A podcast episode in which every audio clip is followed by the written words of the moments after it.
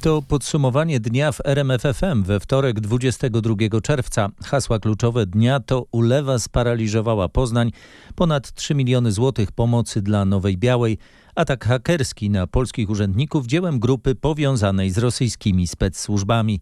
Grzegorz Jasiński, zapraszam.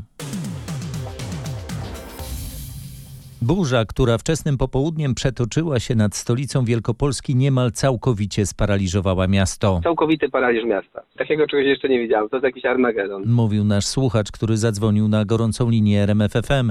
Dodatkowe zastępy strażaków ściągano do Poznania z sąsiednich powiatów. Duża ilość wody spowodowała olbrzymie y, straty. Y, Jesteśmy również y, w zasadzie we wszystkich poznańskich szpitalach, gdzie wypompowujemy wodę mm, z pomieszczeń piwniczych, z pomieszczeń technicznych, z serwerowni, gdzie y, występowało realne zagrożenie zaniku prądu elektrycznego. Y, Natomiast strażackie pompy na chwilę obecną y, opanowały całą sytuację, ale jest również pewnego rodzaju światło w tunelu. Deszcz w chwili obecnej przestał padać. Y, Kanalizacja burzowa systematycznie zaczyna powoli odbierać y, wodę. Relacjonował starszy kapitan Michał Kucierski, rzecznik poznańskich strażaków, którzy do wieczora odebrali ponad 1700 zgłoszeń. Jak wyglądała wieczorem sytuacja, relacjonował nasz reporter Mateusz Chłystun. W mieście nadal nieprzejezdnych jest kilka ulic ze względu na zalegającą na nich wodę i niedziałającą w wielu miejscach sygnalizację świetlną. Zakrokowana jest m.in. Bałtycka, Lechicka, Mieszka pierwszego e, czy Solna i Chlonda. Od Stadeli zalany, tam też nie można było przejechać. Jeden wielki korek. Wyjeżdżając z pracy jeszcze widziałem fotki z ogrodów, to były całe zalane. Tragedia. Dzisiaj jest tragedia. Usłyszałem od kierowców na ulicy Serbskiej. W dość dramatycznych okolicznościach kilka samochodów utknęło dziś w gigantycznej kałuży pod wiaduktem w Swarzędzu. Z aut kierowców trzeba było wyciągać przez dach. W Poznaniu po ulewnym deszczu, przypomnę, zawalił się dziś dach hali sportowej w zespole szkół numer 1 na Winogradach. Woda podmyła też fragment ulicy Gdyńskiej w Czerwonaku oraz ścieżkę rowerową przy rzece Główna. Przez Polskę przemieszcza się front atmosferyczny. Front przemieszcza się z, tak naprawdę z zachodu na wschód i na tym froncie tworzą się burze i niebezpieczne zjawiska. Dlatego też synoptycy z IMGW ostrzegają przed właśnie burzami, którym może towarzyszyć intensywny opad deszczu do 50, a nawet tak jak właśnie w Poznaniu do 60 litrów wody na metr kwadratowy. Do tego grad do 2 cm średnicy, a nawet lokalnie więcej i porywy wiatru do 80, lokalnie nawet do 100 km na godzinę. Lokalnie mogą pojawić się wezbrania rzek. W związku z tym, że te burze są dosyć intensywne, to hydrolodzy wydali ostrzeżenia, które informują, że ta woda, która spłynie do rzeki, może powodować chwilowe gwałtowne wezbrania. Także nie dość, że woda spłynie z e, Mhm. tego terenu, gdzie spadła, to później jeszcze w rzekach mogą pojawiać się wezbrania. Także no, radzimy w tych e, godzinach, kiedy burze występują, pozostać w domu i tam przeczekać to i tam być w bezpiecznym miejscu. Przestrzega Grzegorz Walijewski z Instytutu Meteorologii i Gospodarki Wodnej. Ponad 3 miliony złotych pomocy ma trafić do pogorzelców w Nowej Białej. Pieniądze mają spływać na konto gminy Nowy Targ. O szczegółach wsparcia dowiedział się nasz reporter Marek Wiosło. Z jakich źródeł pochodzą te sumy? Pierwsze środki po 6 tysięcy złotych dotarły już do potrzebujących. Zostały one wypłacone z rezerwy finansowej MSWiA. Sejmik Urzędu Marszałkowskiego podjął też decyzję o przelaniu miliona złotych dla pogorzelców. A ponad 2 miliony 240 tysięcy złotych ma w dyspozycji Urząd Wojewódzki. Jego pracownicy, a także urzędnicy z nadzoru budowlanego są dzisiaj na miejscu, by określać możliwe najprostsze i najszybsze procedury przy odbudowie domów.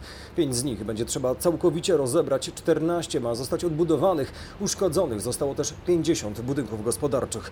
Urzędnicy mają też pomagać w przesyłaniu wniosków o pomoc finansową, bo od wysokości strat zależeć będzie wysokość wypłat. Na miejscu trwają dziś rozbiórki i porządkowanie zniszczonych budynków. Strażaków w akcji wspomagają żołnierze Wojsk Obrony Terytorialnej. W Nowej Białej specjalna komisja pracuje nad ustalaniem szkód po gigantycznym pożarze. Opracowywane są także wnioski dotyczące wypłaty pomocy finansowej oraz przyspieszone plany odbudowy domów. Na miejscu pożaru trwa wyburzanie kolejnych budynków. Też we współpracy z wieloma służbami koordynujemy to, co się dzieje tutaj na miejscu, czyli te ogromne prace porządkowe, które jak widać e, trwają i, i są bardzo zaawansowane. Porównując do dnia wczorajszego widać, że to dzisiaj wygląda już dużo, dużo lepiej. Do końca tygodnia uda się nam uporać z tymi pierwszymi, najważniejszymi pracami porządkowymi. Dzisiaj Komisja Wojewódzka pracuje w terenie. No na pewno te pieniądze będą w tym tygodniu e, uruchomione. To są kwoty od 200 do 100 tysięcy złotych w zależności od e, skali zniszczeń dla mieszkańców, więc to myślę, że to już będzie taki poważniejszy zastrzyk finansowy. Mieszkańcy wciąż jednak potrzebują pomocy. Jest wsparcie Wojsk Ochrony Terytorialnej, którzy też tutaj działają, wspierają nas też w punkcie przy szkole, gdzie jest ten punkt dystrybucji przyjmowania pomocy rzeczowej dla naszych mieszkańców, więc to jest niezwykle istotne i tutaj chciałbym zaznaczyć, że to co najbardziej potrzebują mieszkańcy to są artykuły budowlane, gwoździe, młotki, e, gumiaki, e, łopaty, e, rękawice ochronne, grabie, miotły, tego typu akcesoria są, są bardzo potrzebne. Mówił zastępca wójta gminy Nowy Targ Marcin Kolasa.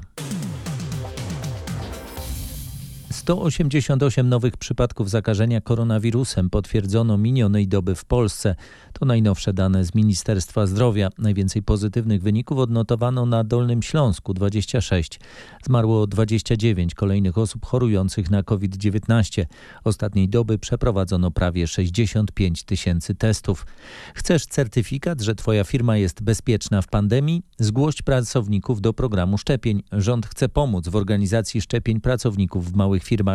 W zamian na drzwiach barów, restauracji, kawiarni, zakładów fryzjerskich, sklepów, siłowni czy sal zabaw mogą pojawić się rządowe naklejki Szczepimy się, jesteśmy bezpieczni. Jak pracodawca będzie mógł zgłosić swoich pracowników? Przez internetowy formularz, który niebawem uruchomi Agencja Rezerw Strategicznych, to tam pracodawcy, właściciele małych firm, kilkunasto, kilkudziesięcioosobowych będą mogli zgłosić chęć zaszczepienia swoich pracowników. Wystarczy, że właściciel baru czy sieci zakładów fryzjerskich wyśle informację, ilu ma chętnych pracowników, doda kod pocztowy lokalu, a rządowy system wyśle to zgłoszenie do najbliższego punktu szczepień. Urzędnicy nie kryją, że chcą pobudzić sektor małych firm do szczepień pracowników, by szefowie wywierali presję, zachęcali do szczepień tych jeszcze nie zaszczepionych, by pracownicy, zwłaszcza tam, gdzie biznes opiera się na kontakcie z klientem, mieli świadomość, że od ich postawy zależy, czy będzie kolejny lockdown, a więc czy będą mieli pracę. A firmy z zaszczepionymi pracownikami dostaną możliwość oznakowania się, że personel jest bezpieczny, bo zaszczepiony. Warszawa, Mariusz Piekarski. Sezon wakacyjny za chwilę ruszy z kopyta, tym razem jednak wyjazd za granicę już tak łatwy nie jest, przynajmniej nie do każdego kraju. Są jednak kraje, do których Polacy wiadą bez kwarantanny, bez certyfikatu szczepienia, a nawet bez testu na koronawirusa. Które to kraje? Te najbardziej kojarzące się z letnimi wakacjami to obecnie Chorwacja, Cypr oraz Hiszpania. Choć w przypadku tego ostatniego kraju pełne otwarcie granic jest na razie testowe do 27 czerwca. Być może zostanie przedłużone, ale pewności nie ma. Mniej popularne kierunki ze swobodnym wjazdem dla Polaków to m.in. Holandia, Czarnogóra i Albania. A gdzie trzeba mieć wykonany test przed wylotem albo zaświadczenie o pełnym szczepieniu? Grecja, Bułgaria, Włochy, Portugalia, Turcja, Tunezja, Egipt, ale też na przykład Czechy i Gruzja. Sytuacja może się jednak zmieniać. Warto więc na bieżąco sprawdzać informacje o wybranym przez siebie kraju na stronach polskiego MSZ-u. Sugerował Paweł Balinowski. Liczymy na to, że prezydent Stanów Zjednoczonych w najbliższym czasie zmieni decyzję i otworzy granice, mówi Joanna Mrzyk, właścicielka polonijnego biura podróży Voyager Club USA. Podkreśla, że po roku pandemii Nowy Jork potrzebuje turystów, a miasto zniosło większość restrykcji. Branża turystyczna troszeczkę lepiej już w tej chwili. Od wczoraj widzimy wzrost zainteresowania kupnem biletów do Polski naprawdę dużo telefonów, bo nawet ci ludzie, którzy nie mieli paszportów polskich, mogą podróżować, więc to jest dla nich duża szansa. Ja myślę, że to pomału będzie wracać do normy z jakimś tam e, terminem, ale myślę, że wszystko będzie ok. Trzeba być takiej myśli. Ale to był trudny rok dla całej branży. Płyniemy właśnie statkiem dookoła Manhattanu. Nowy Jork, miasto, które z turystyki żyje. W tej chwili mam nadzieję, że to pomału się będzie otwierać i liczymy na to, że turyści zaczną znowu przyjeżdżać do Nowego Jorku, bo właściwie Nowy Jork e, czeka, czeka na turystów od dłuższego czasu. Jak pani ocenia, kiedy będzie można do Stanów Zjednoczonych przylecieć? Bo każdy zadaje pytanie, kiedy? No wiadomo, że to zależy od przede wszystkim prezydenta Stanów Zjednoczonych. Dokładnie i liczymy na to, że w najbliższym czasie podejmie taką decyzję. Z Joanną Mrzyk rozmawiał korespondent RMFFM w Waszyngtonie Paweł Żuchowski. W krakowskich halach Expo symbolicznie wyburzono dziś jedną z ostatnich ścian zbudowanych na potrzeby znajdującego się tam szpitala tymczasowego. Zdemontowano także instalację tlenową. Targi Expo w Krakowie nowy sezon zamierzają zacząć z nowym obszernym kalendarzem imprez. Mają się odbyć tam m.in. targi książki. By targi były bezpieczne, powinniśmy być zaszczepieni. Jest chęć do spotkania na żywo i to jest bardzo ważne. Targi są odmrożone, targi i konferencje są odmrożone, można je organizować. E, Na razie obowiązuje jedna osoba na 10 metrów, ale uwaga do limitu nie wliczają się osoby zaszczepione. Dla bezpieczeństwa, i to nie jest ograniczenie wolności, to jest dbałość o bezpieczeństwo nas wszystkich. Mówiła Ewa Woch z targów w Krakowie. Pierwsze imprezy mają się odbyć we wrześniu. Na liście hakerów, którzy zaatakowali polskich użytkowników internetu jest 4350 adresów e-mail. Wśród nich ponad 100 osób to byli lub obecni urzędnicy rządowi lub samorządowi. Według polskich służb za atakiem stoi grupa UNC 1151 powiązana z rosyjskimi specsłużbami. Jak informują polskie służby, ten atak to był typowy phishing, czyli wysłanie fałszywych maili, które mają skłonić adresata do kliknięcia na specjalnie spreparowany link. Celem jest nielegalne zdobycie kodów dostępu. Z analiz wynika, że ponad 500 osób uległo oszustwu hakerów. Wśród nich jest szef kancelarii premiera Michał Dworczyk. Specjaliści natrafili na kilka wiadomości wysłanych na jego adres, które mogły posłużyć do potencjalnego phishingu. Zanotowano również kilkukrotne obce logowania do skrzynki pocztowej użytkowanej przez ministra Dworczyka.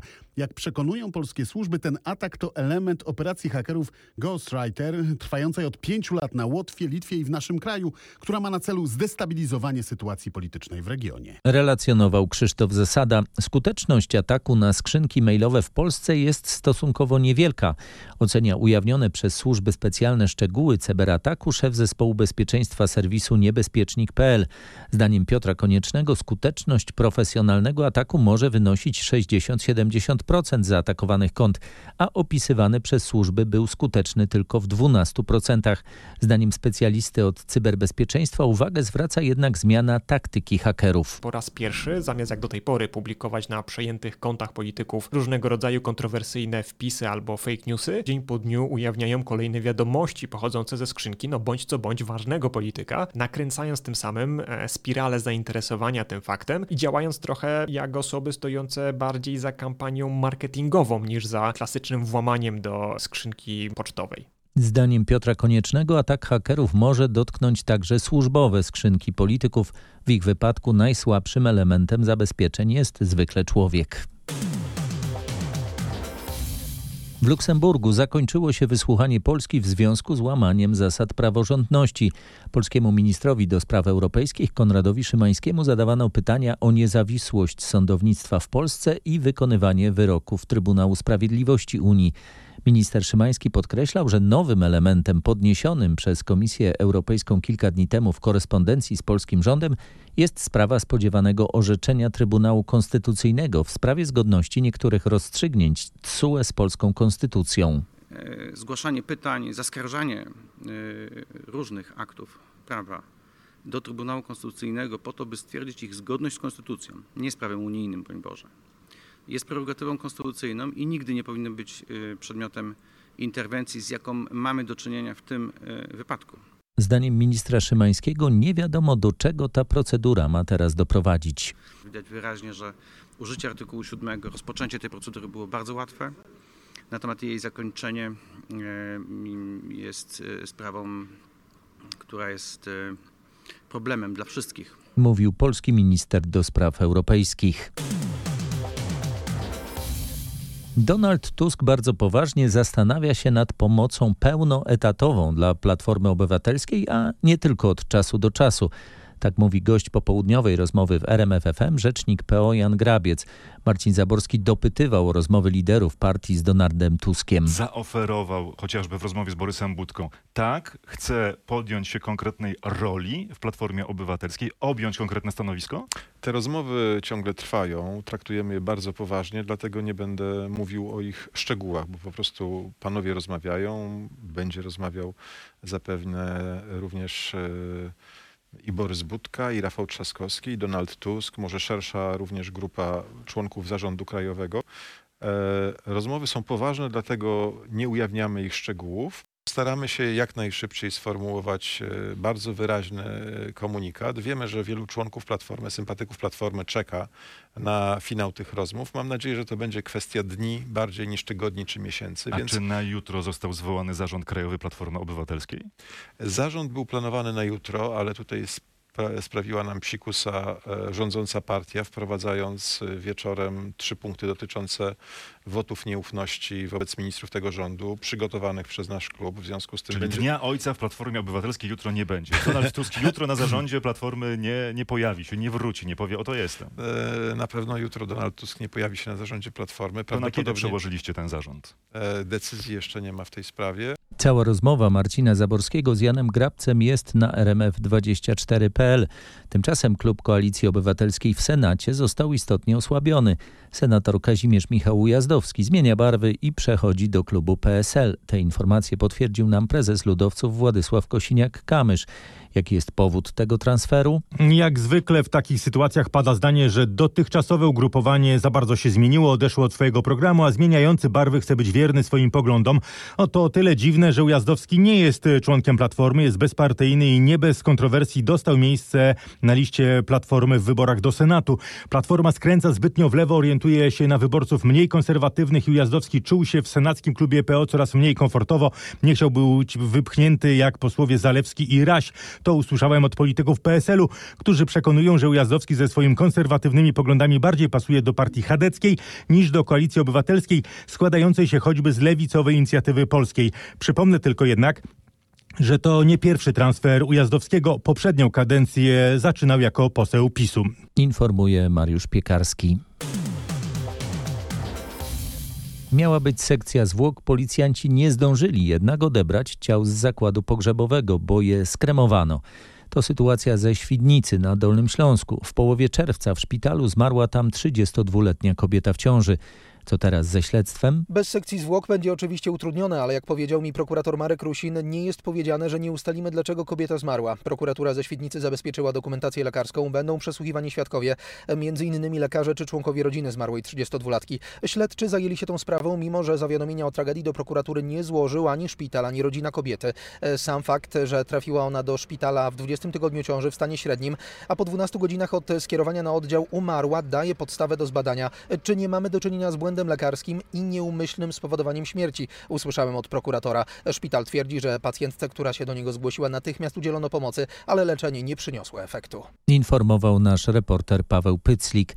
Są trzy hipotezy w śledztwie dotyczącym śmierci mężczyzny, którego ciało znaleziono w spalonej hali w Chorzowie.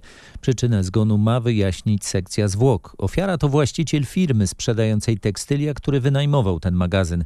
Jego ciało znaleźli strażacy, którzy przeszukiwali spaloną halę. Jeżeli chodzi o wersję przebiegu wydarzeń, bierzemy pod uwagę trzy. Po pierwsze to wypadek i przypadkowe spowodowanie pożaru całego obiektu, skutkiem którego doszło do zgonu tego człowieka. Druga wersja brana pod uwagę to ewentualne działanie samobójcze, jego spowodowanie y, pożaru i odebranie sobie życia. Trzecia wersja to możliwość działania osób trzecich Każda z tych wersji jest równie prawdopodobna, każda jest brana pod uwagę i każda będzie w toku postępowania weryfikowana. Broń jakąś znaleziono w pobliżu?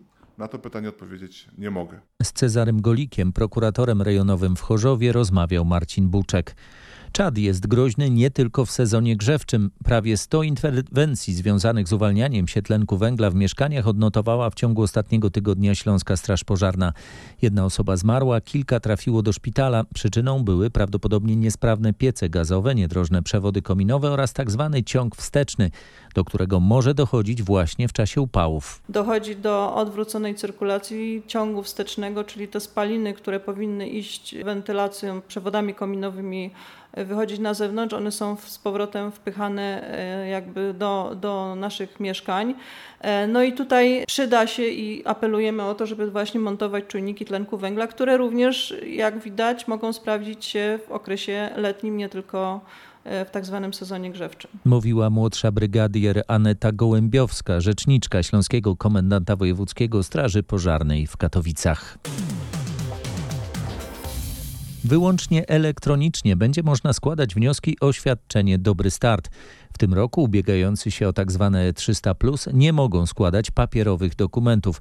Osobom, które nie mają komputerów albo nie radzą sobie z formalnościami, pomogą urzędnicy zakładu. Na salach obsługi klientów e, Zakładu Ubezpieczeń Społecznych są dostępne komputery, e, na których będzie można założyć przy pomocy pracownika Zakładu Ubezpieczeń Społecznych przy asyście. Ponadto taką nowością jest e, albo też kontynuowaniem tego, co wprowadziliśmy przy innych dużych projektach, jak elektroniczne zwolnienia, powołanie koordynatorów do spraw 300, 300 plus w każdej terenowej jednostce oddziału. Wyjaśnia Gertruda Uścińska, prezes Zakładu Ubezpieczeń Społecznych. Pomagać mają też pracownicy placówek pocztowych i KRUS-u. Wnioski można składać od 1 lipca do 30 listopada. W najbliższy weekend we Wrocławiu zostanie uruchomiony pierwszy odcinek trasy tramwajowo-autobusowej na Nowy Dwór. Ma ponad 2 km. Zbudowano go między placem Orląt Lwowskich a ulicą Śrubową. Tutaj pojadą tramwaje już od y, soboty. Na razie 7 linii, ale także w związku z prowadzonymi remontami y, torowisk na innych odcinkach, a y, autobusy pojadą na początku w, w porze nocnej. Tutaj będziemy mieli tak naprawdę cały przekierowany ruch z ulicy Legnickiej, ponieważ pomiędzy placem Jana Pawła II a Złotoryską ruch będzie zamknięty z uwagi na remont torowiska przy placu Strzechomskim. Także te linie, które na co dzień docierają do Leśnicy, do Pilczyc, będą jechały właśnie tędy. Mówili prezydent Wrocławia Jacek Sutryk i prezes wrocławskiego MPK Krzysztof Balawejder. Już od najbliższej soboty zaczną obowiązywać nowe zasady podróżowania pociągami PKP Intercity. Przestaje obowiązywać limit zajętości 100% miejsc w składach wagonowych, a więc będzie można podróżować również bez rezerwacji miejsca siedzącego. W niektórych pociągach trzeba będzie jednak o rezerwacji pamiętać. Obowiązkowa rezerwacja miejsc zostanie utrzymana w elektrycznych zespołach trakcyjnych, czyli pociągach obsługiwanych przez pojazdy Pendolino, Flirt lub Dart oraz w spalinowych zespołach trakcyjnych. Nowoczesne składy w przeciwieństwie do tych z zestawionych wagonów nie mogą być wydłużane. Chodzi więc o utrzymanie ścisłej kontroli poziomu zajętości miejsc w tych pojazdach, co ma służyć bezpieczeństwu i większemu komfortowi podróżowania tymi pociągami. Tłumaczy Katarzyna Grzduk z PKP Intercity. Kosztującą symboliczną złotówkę miejscówkę nadal trzeba będzie pobierać do biletów odcinkowych i weekendowych. Informuje nasza dziennikarka Magdalena Greinert. 6 milionów sztuk papierosów bez akcyzy w polskiej ciężarówce z warzywami. Zatrzymano ją w Czechach dzięki informacjom przekazanym przez polską administrację skarbową i CBŚP. Samochód ciężarowy jechał ze Słowacji w kierunku Brna. Podczas kontroli kierowca poinformował czeskich celników, że przewozi ziemniaki. Po otwarciu naczepy funkcjonariusze z Urzędu Celnego kraju południowo-morawskiego zobaczyli, że przestrzeń wypełniona jest paletami, na których umieszczono buraki jako ładunek przykrywający kartony z nielegalnymi papierosami. Wartość zabezpieczonych papierosów to prawie 7 milionów złotych. Mówiła Agnieszka Rzeźnicka-Gniadek z Izby Administracji Skarbowej we Wrocławiu. Kierowca usłyszał zarzut, grozi mu kara finansowa i do trzech lat więzienia. Czy szykuje się telewizyjna zemsta za Brexit? Według brytyjskich mediów Unia Europejska planuje ograniczenie na kontynencie emisji popularnych brytyjskich seriali. Na ile to prawdopodobny scenariusz? Po wojnie na irlandzkie kiełbaski i liczeniu ryb w morzu mamy do czynienia z możliwym embargiem na brytyjskie seriale, takie jak Downton Abbey czy The Crown. Tutejsza prasa bije na alarm. Według The Daily Express Brukseli chodzi o ograniczenie wpływu brytyjskiej kultury na Europę. Nawet zazwyczaj rozsądny The Guardian ostrzega, że ograniczyłoby to oddziaływanie brytyjskiego sposobu myślenia na resztę kontynentu. Bardziej rozsądni komentatorzy apelują o zachowanie spokoju jak twierdzą, nie da się tak łatwo kontrolować telewizyjnych upodobań Europejczyków, a wszelkie działania w tym zakresie stałyby się tematem żartów i filmowych komedii. Informuje nasz londyński korespondent Bogdan Frymorgan. To najbardziej zróżnicowane nowotwory, które nie dają często konkretnych objawów, dlatego są tak późno wykrywane, mówią eksperci o nowotworach neuroendokrynnych. Promocja wiedzy na ich temat jest więc niezwykle ważna, by ludzie nie trafiali do specjalistów tak jak dotychczas 7 lat od zachorowania, mówi dr Anna Sowa-Staszczak, endokrynolog ze Szpitala Uniwersyteckiego w Krakowie. Myślę, że nie ma tak zróżnicowanych nowotworów, jakimi są y, nowotwory neuroendokrynne. Trudno je w tym wstępnym etapie, zwłaszcza te, które nie produkują tych charakterystycznych objawów, po prostu diagnozować, bo żeby je móc diagnozować, to trzeba o nich pomyśleć. I pomyśleć o nich mu musi zarówno lekarz, który poprzez diagnostykę różnicową wykluczy inne schorzenia, jak i pacjent będzie świadomy, to czasami on upomnie się o to, żeby zrobić mu badania w kierunku nowotworu neuroendokrynnego. 27 czerwca odbędzie się specjalny koncert charytatywny Black or White, który będzie promować wiedzę na temat tych nowotworów. W krakowskim klubie studio wystąpią m.in. Grzegorz Turnał czy Kabaret Hrabi. W piątek w Operze Narodowej w Warszawie premiera Kardiaka. To jedna z najciekawszych oper XX wieku. Zostanie pokazana jako awangardowy kryminał w wersji cyberpunk. Państwo, którzy lubicie kino grozy, a jeśli nawet nie chodzicie do opery, będziecie bardzo usatysfakcjonowani. To są szczególne emocje, którym można się poddać. Ja sam nie jestem wielkim entuzjastą tego typu koncepcji, a jednak ten Hindem mnie uwiódł. Mówił szef Opery Narodowej Waldemar Dąbrowski. Bajeczne smaki w bajkowym zamku Czocha na Dolnym Śląsku. Już w najbliższy piątek ruszy tam czwarty festiwal kuchni historycznej i produktów regionalnych Twierdza Smaków. Wśród ciekawych dań znajdzie się abulasta, czyli jajecznica przygotowywana na jabłkach. Nieprawdopodobny, bardzo ciekawy smak. Ja myślę, że ktoś, kto tego próbuje po raz pierwszy, nie jest w stanie w ogóle rozpoznać tak naprawdę z czym ma do czynienia. Jest to dziwny, trochę tajemniczy smak, czyli czuje się, że je się jajecznicę, ale coś tam w niej takiego lekko kwaskowatego przenika. Abulasta jest to średniowieczna potrawa. Ona wywodzi się raczej z zachodniej Europy. Bardzo popularna była w Hiszpanii między innymi. Mówiła Joanna Lamparska, współorganizatorka tego smakowitego festiwalu, który potrwa do niedzieli. W upalne dni nie ma jak nad samym morzem, na przykład w Białogórze na zachód od Dębek. Plażowiczom sprzyjał tam delikatny wiejący od morza wiatr. Dzisiaj jest super, bo wczoraj był taki upał, że nie do wytrzymania. Jak na Bałtyckie Morze, to naprawdę pogoda jest rewelacyjna, udana. Dziś fantastyczne, ale wczoraj były jak w Tunezji. Taki upał. Taki upał. Było Dzisiaj chyba ten wiatr trochę Tak, chłodzi. ale można się troszkę schłodzić. Nic nie szkodzi, jest wciąż bardzo pięknie. Pogoda jest wyśmienita po wczorajszej fali upałów. Jest wspaniale. Wiatr, jak pan wspomniał, jest zbawienny, więc y, no, korzystamy i delektujemy się. Skąd jesteście? Y, Z Bielska Białej. Kawał drogi, 7 godzin, ale warto było. Polecam każdemu. Środek urlopu, początek, końcówka? Początek urlopu cały tydzień przed nami. Usłyszał od wypoczywających w Białogórze nasz reporter Kuba Kaługa. Zazdrościmy. Tyle na dziś. Kolejne podsumowanie dnia w RMFFM już jutro wieczorem. Grzegorz Jasiński, dziękuję. Dobrej nocy.